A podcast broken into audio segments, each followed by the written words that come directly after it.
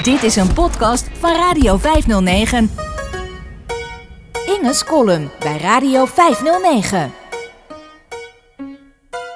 Lijn 3. In de jaren 70 en 80 bestond het fenomeen VARA's Lijn 3. Dat was een busje waarmee de discjockeys van die omroep een paar keer per jaar een hele dinsdag door het land trokken.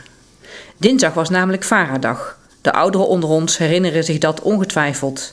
Het was met afstand de leukste dag op Hilversum, later Radio 3. De gebruikelijke VARA-programma's werden die dag vervangen door één totaalprogramma waaraan een grote groep mensen meewerkte. Dat was leuk voor de luisteraars en volgens mij ook voor de makers. De lol spatte er in ieder geval van af. Ik had graag eens in dat busje meegereden om dat mee te maken. Omdat het de VARA was, werd er ook altijd een of ander maatschappelijk thema gekozen, waarover gesprekken werden gevoerd in het busje en met mensen op straat. Hoe dat precies allemaal ging, herinner ik me niet meer. Wat ik wel weet, is dat ik het heel erg vond dat ik op die lijn drie dagen naar school moest. Mijn vader en moeder vonden de radio geen goede reden om te spijbelen. In de praktijk miste ik dus meestal het grootste deel van de pret. Losse radioprogramma's liet ik nog wel eens opnemen door mijn broer, die conservatorium deed en weinig op zijn school verwacht werd.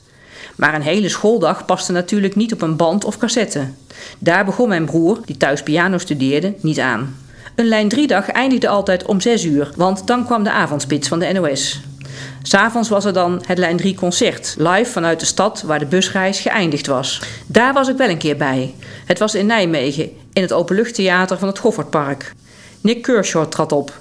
Een man die kort achter elkaar een paar grote hits had en van wie we daarna niets meer vernamen. De slotact die avond was John Watts, toen nog bekend als de zanger met hoge stem van de band Fischer Z of Fischer Z. Maar wij, mijn vriendin Bianca en ik, kwamen voor klein orkest.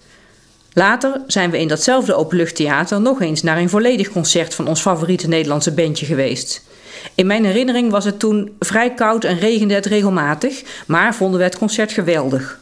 Op de avond van het Lijn 3 concert was het mooi weer, dat weet ik zeker. We waren vroeg en lieten onze handen verlangend over het stoffige plaatwerk van de Lijn 3 bus gaan, die daar zomaar in het wild stond geparkeerd. Toen we om het theater heen liepen, lagen daar twee personen in het gras, allebei in Vara-t-shirts. Het was vrij zeker dat een van hen de door ons zeer bewonderde Peter Holland moest zijn. Nog een lotgenoot ook, naar ik veel later begreep. We durfden hem niet aan te spreken. Maandenlang zou ik daar nog spijt van hebben. Klein Orkest maakte drie LP's, waarvan één met erg leuke liedjes voor kinderen. Bekend werden ze natuurlijk met Over de Muur, dat je in het begin alleen in een live versie hoorde, die Klein Orkest op een van de grote vredesdemonstraties had gespeeld. De studioversie van de LP, later is al lang begonnen, is wat meer gladgestreken en eigenlijk net iets minder mooi. Maar het meest houd ik toch van de inmiddels zeer gedateerd klinkende, maar voor klein orkest wel meest typerende eerste LP, Het Leed Versierd. Een mooi tijdsbeeld is het. De door een jankerig orgeltje begeleide liedjes, die Harry Jekkers niet altijd loepzuiver zingt, gaan over de dood, over de dreiging van opkomend fascisme en over de sleur van het werkende leven. Erg vrolijk is het allemaal niet, maar dat was in de jaren tachtig heel gewoon. Daar viel ik als puber echt niet over.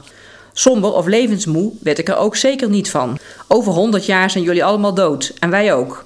Daar is toch geen spel tussen te krijgen? Radio, Radio 509. Radio 509.